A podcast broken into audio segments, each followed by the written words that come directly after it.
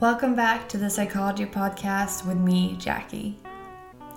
Today we're going to practice a breathing exercise together, and this will help calm your breath. I recommend you continue practicing this exercise once or twice each day, either by yourself or together with me. When we're exposed to a stressful situation, it is common to start breathing faster and more shallow. This is part of our body's way of preparing for an activity, that is, to fight or to flee a situation. And it is governed by our sympathetic nervous system. When we experience psychologically stressful situations, our bodily reaction actually stays the same, although now it is no longer functional.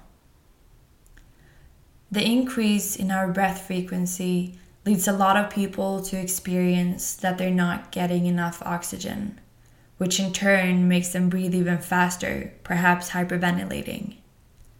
This will increase your pulse further and give rise to numerous other physical reactions, which will actually increase your bodily experience of being stressed. So, here, the ability to control our breath can be a very powerful tool.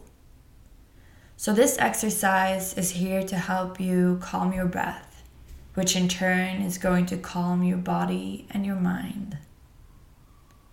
Regardless of where we are and what we're doing, we can always come back to our breath. By consciously directing our attention to our breath, we anchor ourselves in the present moment. Let's begin.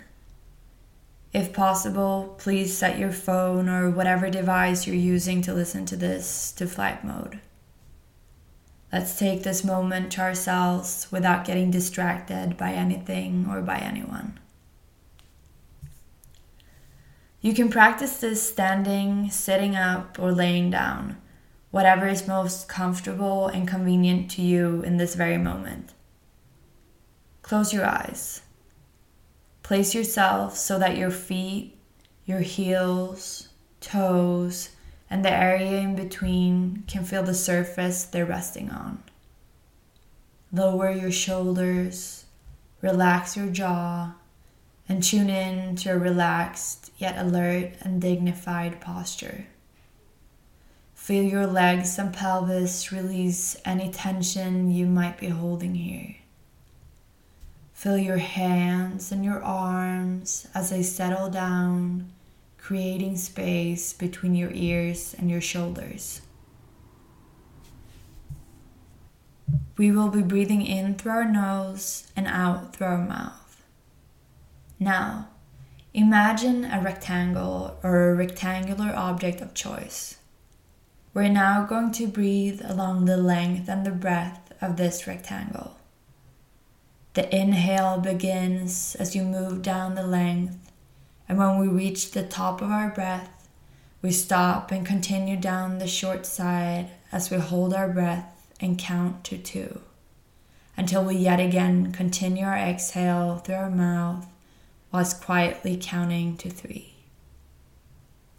So if you start in the left corner of your rectangle, either on your object or of the one that you're imagining, Breathe in through your nose as you count to three. Stop at the top of your breath and count to two. One, two, and then exhale through your mouth as you count to three.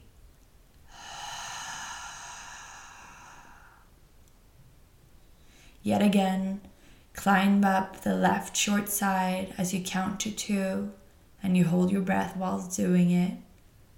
One, two. And then inhale as you move along the long axis whilst counting to three. Continue breathing in this manner for three minutes. I will let you know when time has passed. If you notice that your mind begins to wander, don't worry, it happens to all of us pretty much all of the time. So just bring your attention back to your sweet inhales and exhales, where you continue breathing two times three times two times three. Start now.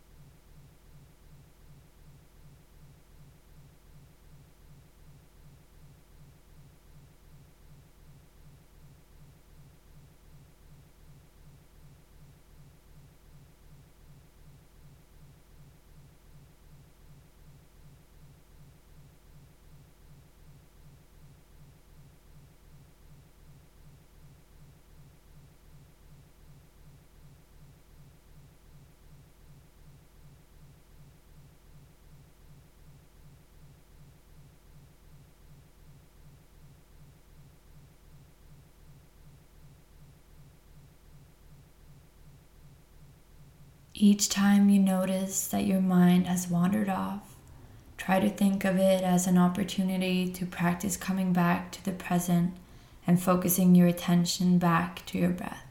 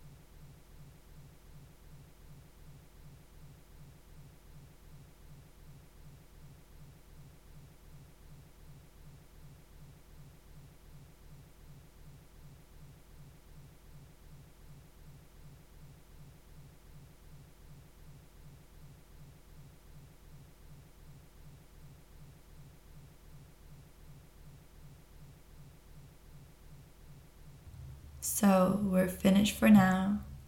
You can begin awakening your body by moving your toes and your fingers, getting all those wiggly movements out.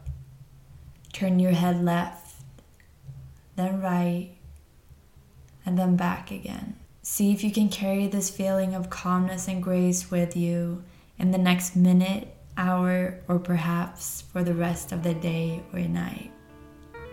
As we're cultivating both our heart and our mind, try to remember to be gentle and kind towards yourself. Take care, and I will talk to you soon again. Lots of love, Jackie.